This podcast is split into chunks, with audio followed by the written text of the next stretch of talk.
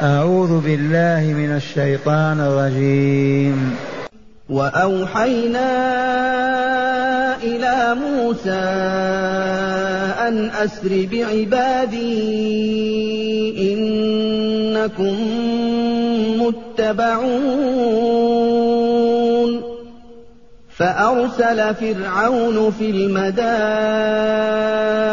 حاشرين. إن هؤلاء لشرذمة قليلون وإنهم لنا لغائظون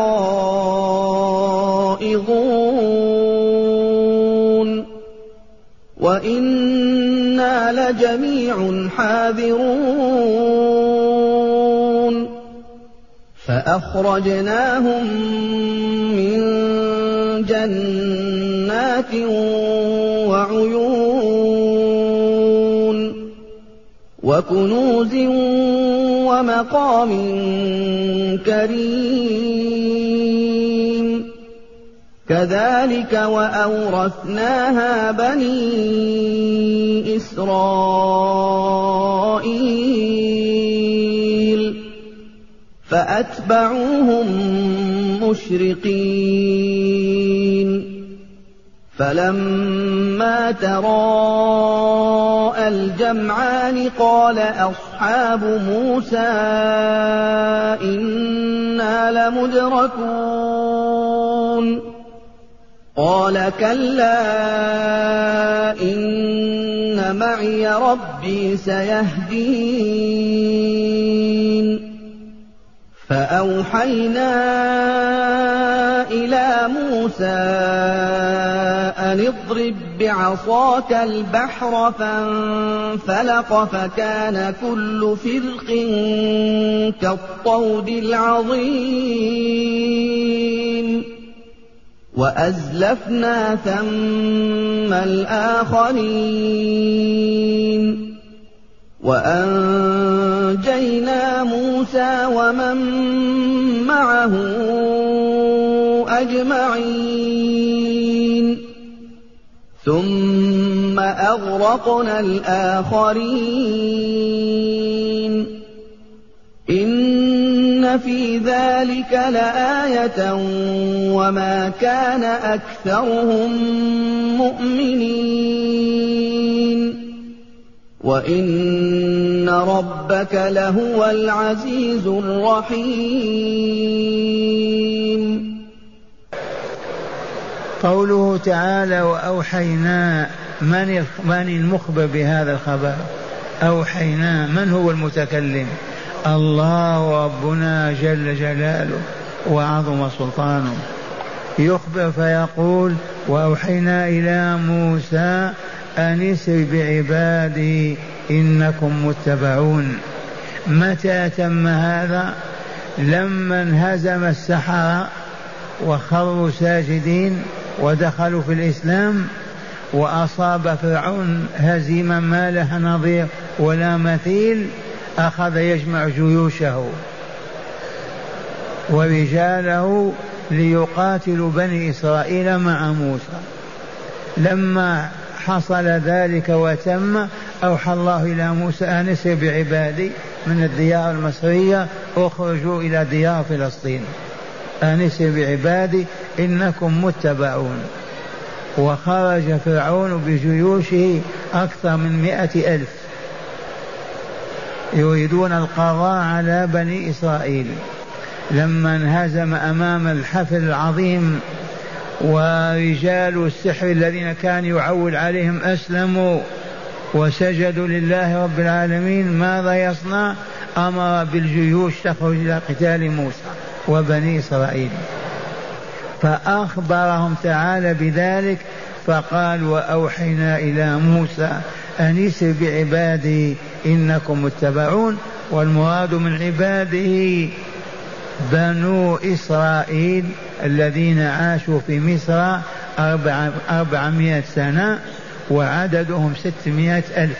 فأرسل فرعون في المدائن حاشرين يجمعون القوات والمدائن كثيرة مئات المدن في الديار المصرية. وبالفعل حشروهم وجمعوهم لقتال موسى وبني إسرائيل. فأرسل فرعون في المدائن جمع مدينة. حاشرين جامعين رجال القوة لماذا؟ وقال إن هؤلاء لشرذمة قليلون. يقول فرعون عليه لعان الله. إن هؤلاء موسى بني إسرائيل لجماعة أو طائفة قليلة شرذماء ما قليلون لا, لا قيمة لهم. متى قال هذا ليشجع جيوشه؟ إذ جمع من البلاد ما شاء الله أن يجمع أكثر من مئة ألف مقاتل. وقال لهم مشجع لهم إن هؤلاء الذين فعلوا ما فعلوا وخرجوا من دياركم شرذمة قليلون وإنهم لنا لغائظون أغاضون وأكربون وأحزنون. لما انهزمنا على أيديهم صرح بهذا فرعون وإنا لغائظون وإنا لجميع حذرون هكذا ينفخ روح الهول في الشعب المصري في الأقباط. وإنا لجميع خائفون من هذا الرجل الذي فعل هذا الفعل. وخرج من البلاد قد يرجع إليها ويستعمرها ويستغلها. وإنا لجميع حذرون هذا كلام فرعون في جيشه. أعيده. قال إن هؤلاء لشرذمة قليلون. طائفة جماعة قليل لا قيمة لها. ليشجع المقاتلين.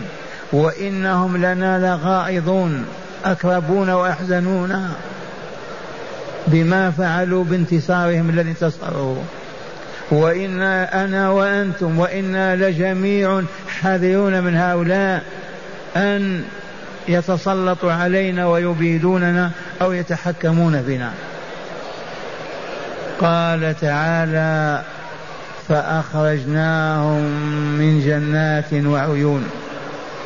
أي أخرجنا فرعون وجيشه من الديار المصرية من جنات وبساتين وعيون وكنوز تحت الأرض من الذهب والفضة ومقام كريم لأنهم كما سيأتي لما خرجوا وراء موسى وضرب موسى البحر فانفلق ودخل بنو إسرائيل قبل أن يخرجوا دخل فرعون بجيشه.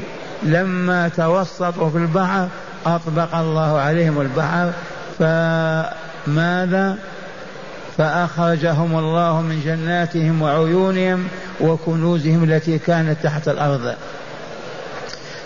قال تعالى فأخرجناهم من جنات وعيون.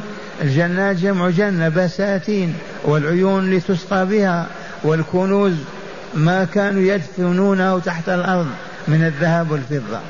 أما العملة المتعامل بها هذه أطمسها الله عز وجل بدعوة موسى. ربنا اطمس على أموالهم واشدد على قلوبهم. فحصل ذلك باستجابة دعوة الله تعالى. أما الكنوز تحت التراب تركوها كذلك. فأخرجناهم من جنات وعيون وكنوز ومقام كريم من ديارهم. ثم قال تعالى كذلك فعلنا وأورثناها بني إسرائيل. إذ بنو إسرائيل رجع من رجع منهم استولى على الديار المصرية. قال فأتبعوهم مشرقين. فجاءوا يتبعون بني إسرائيل مع الصباح مع الإشراق. فأتبعوهم مشرقين. من الذين أتبعوا جيش فرعون؟ أتبعوا من؟ بني إسرائيل وهم في طريقهم إلى أرض القدس إلى فلسطين. ثم قال تعالى فلما تراءى الجمعان مشوا كادوا يصلون إليهم رآهم بأعينهم. بنو إسرائيل أو العدو والعدو رأى بني إسرائيل. بنو إسرائيل في ستمائة ألف نساء وأطفال ورجال والجيش الفرعوني مئة ألف مقاتل. فلما تراءى الجمعان قال أصحاب موسى إنا لمدركون لأنهم ما هم بشجعان. عاشوا في الاستعمار والإهانة والاضطهاد. ودعوة موسى ما أثرت فيهم التأثير الكامل. آمنوا حقيقة وأسلموا لكن بقيت فيهم نظريات فاسدة. من هذه النظريات قالوا إنا لمدركون. حلفوا أن فرعون سيصل إليهم وسيدمرهم ويقتلهم. وما من حقهم هذا؟ قال أصحاب موسى لمن قالوا لموسى؟ هو قائدهم وإمامهم. ماذا قالوا؟ إنا لمدركون. يدركنا جيش فرعون ويبيدنا ويدمرنا. بما أجابهم موسى؟ قال موسى لهم كلا لن يصلوا إلينا ولن يدركونا ولن ولن. لماذا؟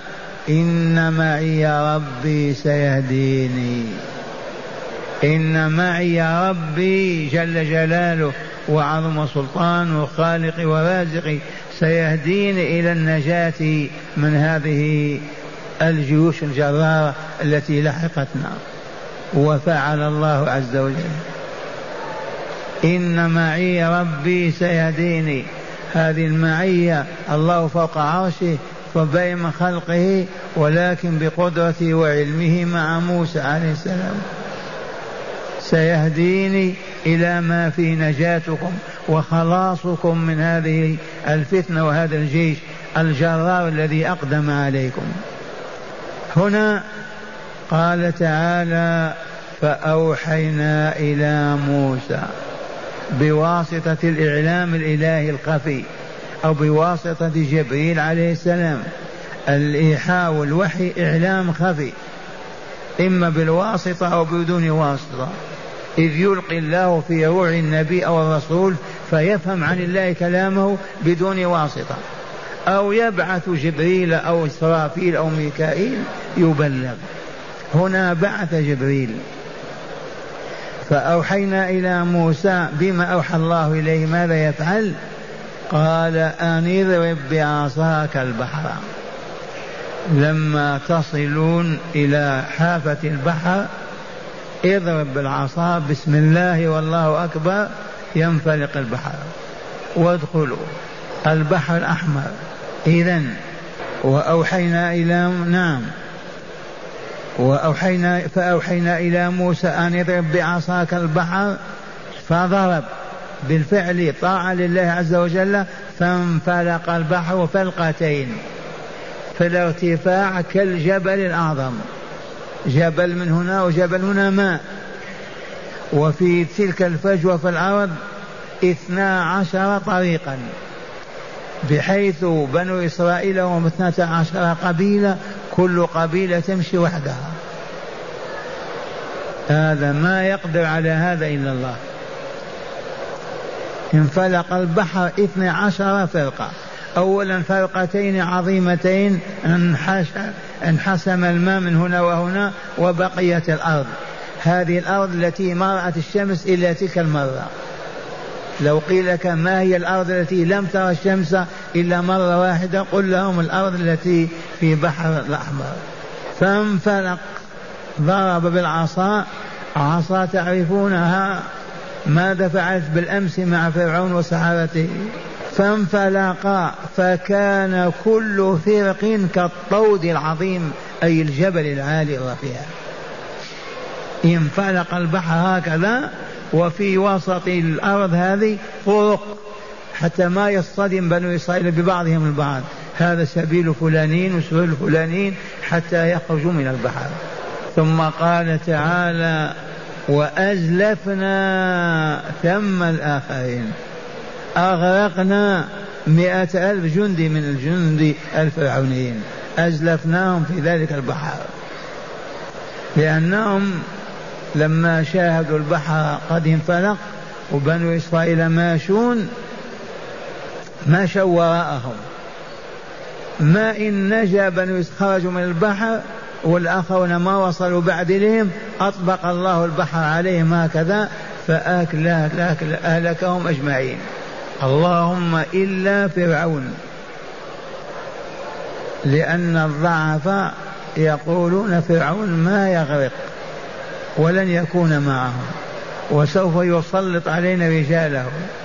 نريد علامة على أن فرعون أهلكه الله. فشاء الله عز وجل أن تلقي به المياه على سطح الماء إلى شاطئ البحر يمرون به ميت. لما كان بنو إسرائيل متعودين على الخوف والفزع والهلاع قضوا ستمائة سنة وهم في أربعمائة سنة وهم في خوف. إذا خافوا أن أن يكون فرعون ما مات. يعود إليهم ويؤدبهم إذا فشاء الله أن يلقي به البحر. فأغناهم أجمعين إلا فرعون نجاه الله من البحر ولكن وهو ميت.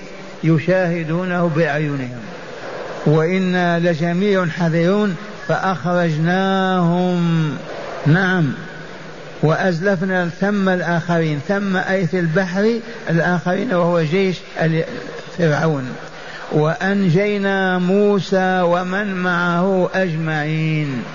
يخبر تعالى أنه أنجى ونجى موسى ومن تبعه أجمعين نساء ورجالا وأطفالا. وفي إشارة إلى أن بعض المسلمين من الأقباط كان مع موسى ممن آمنوا كالسحرة. وأنجينا موسى ومن معه أجمعين. ثم أغرقنا الآخرين. ثم قال تعالى في ختام هذا القصص إن في ذلك الذي سمعتموه لآية علامة عظيمة تدل على وجود الله وعلى علمه وعلى حكمته وعلى عظيم قدرته وأنه رب كل شيء وإله الأولين والآخرين. يا لها من آية عظيمة. في هذا آية عظيمة مجموعة من الفقراء ينتصرون على أمة قوية ذات سلطان ودولة وتغرق جيوشها كلها وتنجو ينجو إليك الضعف المؤمنون. أية آية تدل على وجود الله أعظم من هذه وعلى قدرته وعلمه وحكمته ورحمته. إن في ذلك لآية. وما كان أكثرهم مؤمنين. هنا يعود السياق إلى قريش إلى المشركين في مكة. أولى بعدما قص تعالى هذا القصص كان المفروض ما يبقى مشرك في مكة. الكل يؤمنون ويوحدون. ولكن ما شاء الله كان. الذين قضى في كتاب المقادير بهلاكهم ودخولهم النار ما آمنوا. والذين قضى الله بإسلامهم ودخولهم الجنة آمنوا. ولكن نعم ولكن إن في ذلك الآية وما كان أكثرهم أي أكثر مشركي مكة مؤمنين. لأن هذا القصص لما قصه الله تعالى؟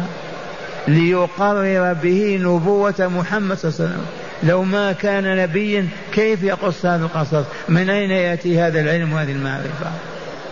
مستحيل. ثانيا فالله عز وجل لا يرغب ولا يحب ابدا أن يعبد معه غيره. دمر فرعون لأنه ادعى الربوبية والإلهية. دمر هو جيشه ورجاله وأمته. فهذا القصص المفروض ما إن سمعه المشركون إلا وقالوا نشهد أن لا إله إلا الله وأن محمد رسول الله. ولكن أكثرهم ما آمن. لأن الله كتب هذا في كتاب المقادير وأنهم أهل النار والعياذ بالله تعالى. وإن ربك لهو العزيز الرحيم. سبحانه لا إله الغالب. العزيز الغالب الذي لا يمانع في شيء يريده أبدا. لا يحال بينه وبين ما يريد. هذا هو العزيز. الرحيم الذي تجلت رحمته في الخلق كلهم. أسمعكم شرح الآيات من الكتاب. قال بعد هذا الانتصار العظيم الذي تم لموسى وهارون أوحى الله تعالى إلى موسى بما أوحى إليه أن اسر بعبادي أن اسر قراءة نافع أن أسر قراءة حفص من سرى يسري ومن أسرى يسري. قراءتان سبعيتان. أن اسري بعبادي أي يمشي بهم ليلا لأن السري يكون بالليل أو بالنهار. السري يكون بالليل. سرى يسري آخر الليل أو أوله. وأسرى كسرى بمعنى واحد. أي يمشي بهم ليلا. إنكم متبعون. أي من قبل فرعون وجنوده. وعلم فرعون بموسى وعلم فرعون بعزم موسى على الخروج من بني مع بني إسرائيل. فأرسل في المدائن وكانت له مئة مدينة بل وكانت له مئات المدن. حاشرين من الرجال أي جامعين وكأنها تعبئة عامة. التي تعرفها الناس اليوم كأنها تعبئة عامة يقولون محرضين إن هؤلاء أي موسى وبني إسرائيل لشرذمة أي طائفة أفرادها قليلون وإنهم لنا لغائظون أي لغائظ لفاعلون ما يغيظنا ويغضبنا وإنا أي حكومة وشعبا لجميع حذرون. أي متيقظون مستعدون فلهم مستعدون لما مستعدون. فهلم إلى إلى ملاحقتهم هلم إلى ملاحقتهم وردهم إلى الطاعة. وعجل تعالى بالمسرة في هذا الخبر. فقال تعالى فأخرجناهم أي آل فرعون من جنات وعيون وكنوز أي كنوز الذهب والفضة التي كانت مدفونة تحت التراب. إذ الطمس كان على العملة فسدت وأما مخزون الذهب والفضة فما زال تحت الأرض. إذ الكنز يطلق على المدفون تحت الأرض. وإن كان شعر وإن كان شرعا هو الكنز ما لم تؤد زكاته. هذه لطيفة. أصل الكنز ما هو؟ المدفون في الأرض. لكن بالنسبة إلى الزكاة كل دراهم وفضة وذهب تعتبر كنزا.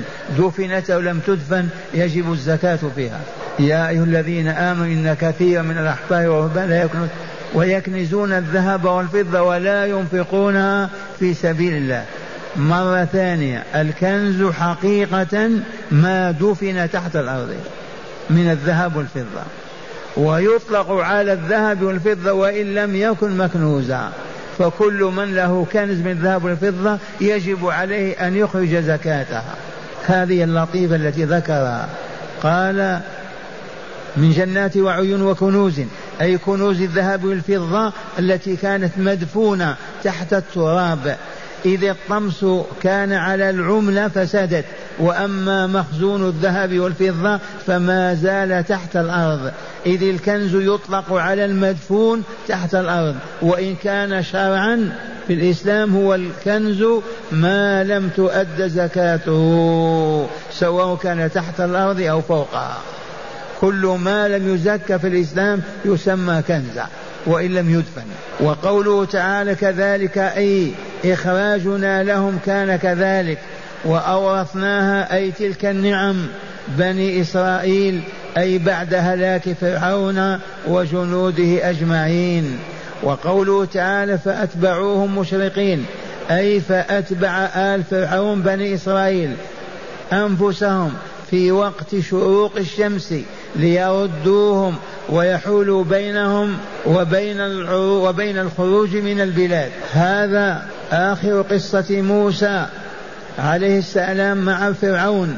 قال تعالى في بيان نهاية الظالمين وفوز المؤمنين. فلما تراءى فلما تراءى الجمعان جمع موسى وجمع فرعون وتقاربا بحيث رأى بعضهما بعضا فقال أصحاب موسى أي بنو إسرائيل إنا لمدركون. أي خافوا لما رأوا جيوش فرعون تتقدم نحوهم. صاحوا إنا لمدركون. فطمأنهم موسى بقوله كلا أي لن تدركوا. وعلل ذلك بقوله إن معي ربي سيهديني. أي إلى طريق نجاتي. فقال تعالى فأوحينا إلى موسى أن اضرب أي اضرب بعصاك البحر. فضرب امتثالا لأمر ربه فانفلق البحر فرقتين كل فرقة منه كالجبل العظيم. وأورثنا أي وأزلفنا أي قربنا ثم الآخرين أي أدنينا هناك الآخرين وهم فرعون وجيوشه وأنجينا موسى ومن معه أي من بني إسرائيل أجمعين ثم أغرقنا الآخرين المعاندين لبني المعادين لبني إسرائيل وهم فرعون وجنوده. وقوله تعالى إن في ذلك المذكور من إهلاك فرعون وإنجاء موسى وبني إسرائيل لآية أي علامة واضحة بارزة لربوبية الله وألوهيته وقدرته وعلمه ورحمته. وهي عبرة وعظة أيضا للمعتبر للمعتبرين. وما كان أكثر قومك يا محمد بمؤمنين. وما كان أكثر قومك يا محمد مؤمنين مع وجوب الإيمان ومقتضاه الذي شاهدوه من هذا القصص. لأنه سبق في علم الله أنهم لا يؤمنون. فهذا هو السبب. وإلا قص قصها تعالى عليهم بهذا تصرح بأنه لا إله إلا الله وأن محمد رسول الله. ولكن الذي ما كتب الله لهم الجنة ولا أعدهم لها ما يؤمنون. ولو شاهدوا العجائب من الآيات. والآن مع هداية الآيات هيا نتأمل ما فيها من فوائد. أولا قوة الإيمان مصدر شجاعة خارقة للعادة. قوة الإيمان هي مصدر الشجاعة الخارقة للعادة بحيث يفرح المؤمنون بالموت لأنه يوصلهم إلى ربهم. المؤمنون يفرحون بالموت لما يفرحون به لأنه يصل بهم إلى ربهم. نحن الآن منقطعون عن ربنا وإلا لا؟ لكن إذا متنا إلى أين تصبح أرواحنا في الملكوت الأعلى عند الله؟ تفهمتم هذه؟ الإيمان هو مصدر الشجاعة وإلا لا؟ ماذا تعرفون عن الرسول صلى الله عليه وسلم في شجاعته؟ والله لأشجع منه. أصحابه من علي إلى عمر إلى فلان إلى فلان كانوا مضرب الأمثال في الشجاعة. سبب الشجاعة قوة الإيمان لأنه ما يخافون من الموت هذه الشجاعة. الذي يخاف أن يموت لن يكون شجاعا أبدا. إذا وجد الهرب يهرب وإذا وجد التأخر يتأخر. لكن المؤمنين الصادقين في إيمانهم لا يحزنون ولا يكربون ولا يخافون. ولذا هم شجعان. من أين أخذنا هذا من الآية؟ قالوا لا ضير إنا إلى ربنا منقلبون. لا ضرر علينا أبدا. لماذا؟ لأننا منقلبون إلى الله. من قال هذا السحرة وفرعون هددهم بأن يصلبهم بعد أن يقطع أيديهم وأرجلهم. قالوا لا ضرر علينا أبدا. فمن هنا استفدنا هذه المسألة. فقلنا قوة الإيمان مصدر شجاعة خارقة للعادة بحيث يفرح المؤمن بالموت لأنه يوصله إلى ربه.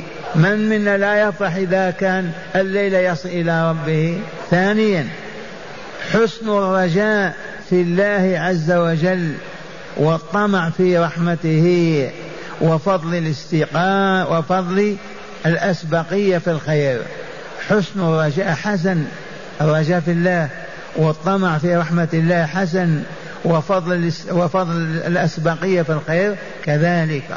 ثالثا مشروعية التعبئة العامة واستعمال أسلوب خاص في الحرب. يهدي من مخا يهدئ من مخاوف الأمة حكومة وشعبا. منين أخذنا هذا من الآية؟ لما قال بنو إنا لمدركون. ماذا قال موسى؟ كلا إن معي ربي سيهديني.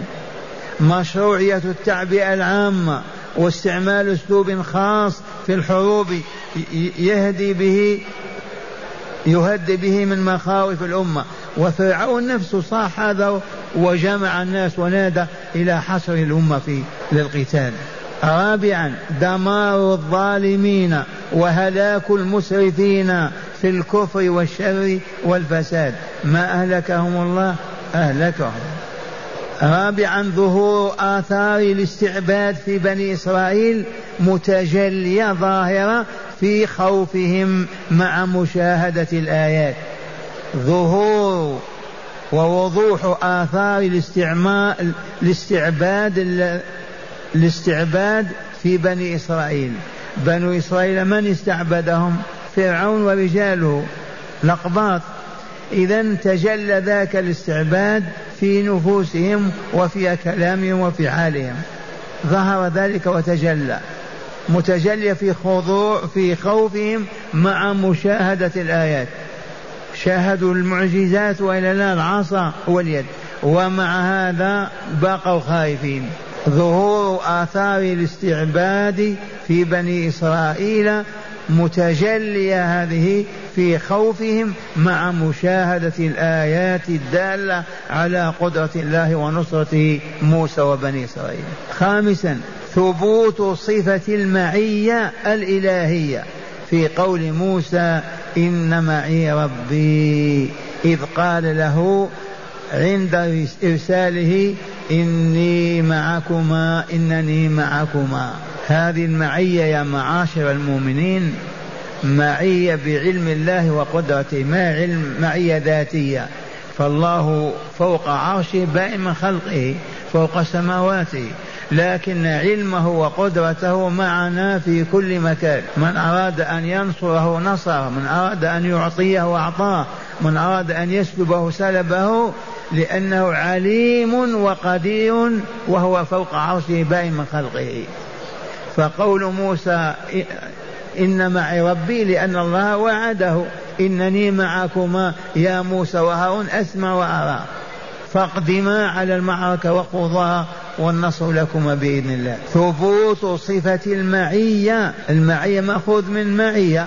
معنا فلان معيتنا مع بعضنا البعض. ثبوت صفة المعية الإلهية في قول موسى إن معي ربي إذ قال له عند إرساله إلى عند إرساله إنني معكما يا موسى وهارون. سادسا ثبوت الوحي الإلهي. ثبوت الوحي الإلهي. أما أوحى الله إلى موسى أن ألقى عصاك أن اضرب البحر أن كذا. هذا وحي وإعلام من الله عز وجل. والله تبارك وتعالى ما نبأ نبيا ولا أرسل رسولا إلا أوحى إليه. وقد بينت لكم أحيانا يكون الوحي بواسطة جبريل أو ما شاء الله من ملائكته يبلغ الخبر. وأحيانا يكون بالإلقاء فالروح فقط. وما كان لبشر أن يكلمه الله إلا وحيا أو من وراء حجاب أو يرسل رسولا فيوحي بإذنه ما يشاء. وهو الإعلام السريع الخفي ثبوت الوحي الإلهي. سابعا آية انفلاق البحر من أعظم الآيات. آيات انفلاق البحر فلقتين من أعظم الآيات. بل هي أعظم من العصا. عصا تحولت إلى ثعبان أو جان. لكن البحر كيف ينفلق؟ الدول تعجز عن فلقه. كيف ينقسم قسمتين؟ يصبح كالجبل الماء من هنا وكالجبل الماء من هنا والطريق في الوسط. وانقسام الطريق إلى اثنتي عشر قسما حتى لا تصطدم القبائل ببعضها البعض. آية من آيات الله. دالة على ماذا؟ على أنه لا إله إلا الله وأن محمدا رسول الله وأن البعث الآخر حق وأننا إذا أردنا أن نكمل ونسعد آمنا وأسلمنا وطبقنا شرع ربنا وإن أعرضنا أعرض الله عنا وكان مصيرنا مصير الكافرين والفاسقين. وأخيرا تقرير نبوة محمد صلى الله عليه وسلم بقصة مثل هذا القصص. قص الله تعالى في كتابه قصص في سورة هود كذا قصة في سورة الأعراف الآن في الشعراء في غيرها. هذا القصص وحده يفرض علينا أن نؤمن بأن محمد رسول الله. مستحيل أن يكون غير رسول ويقص هذا القصص. وبنو إسرائيل بالذات اليهود والنصارى بالذات هذا القصص هو الذي يدخل من يدخل منه في الإسلام. لأنهم يعرفون أحداثا مضت في التاريخ والعرب المشركون لا يعرفونها أبدا. فلما يقص الله هذا القصص ماذا يفعل اليهود؟ والله لولا إصرار اليهود على زعمهم الباطل على أن تعود دولة سليمان وأن يحكموا العالم بكامله وهم يعملون ليل نهارا إلى الآن. لولا هذا الحلم والله لدخلوا في الإسلام كلهم. مقتنعون بأن الإسلام هو دين الله وأن محمد رسول الله. لكن إذا آمنوا وأسلموا انتهى هذا الحلم اليهودي الذي مزق العالم. ما حلمهم؟ لا بد وأن تعود دولة بني إسرائيل وأن تسود العالم كما كانت على عهد سليمان عليه السلام. ولهذا يجب أن نعمل ليل نهارا طول الحياة حتى يتحقق لنا هذا الهدف. عرض عليهم الإسلام فعرفوا أكثر من العرب أنه دين الله لكن قالوا إذا أسلمنا واندمجنا معهم ذهب حلمنا وأملنا وما بقي لنا أمل ونصبح كسائر الناس. فأعرضوا على علم. فهذا القصص تكرر في صور عديدة من أجل بني إسرائيل لتقوم الحجة عليهم. وتحقق حلمهم في وجاد دويلة دولة تل أبيب اليوم. بعد عمل 1400 سنة. تبهتم وما زالوا يحلمون كيف يحكمون العالم والعياذ بالله تعالى.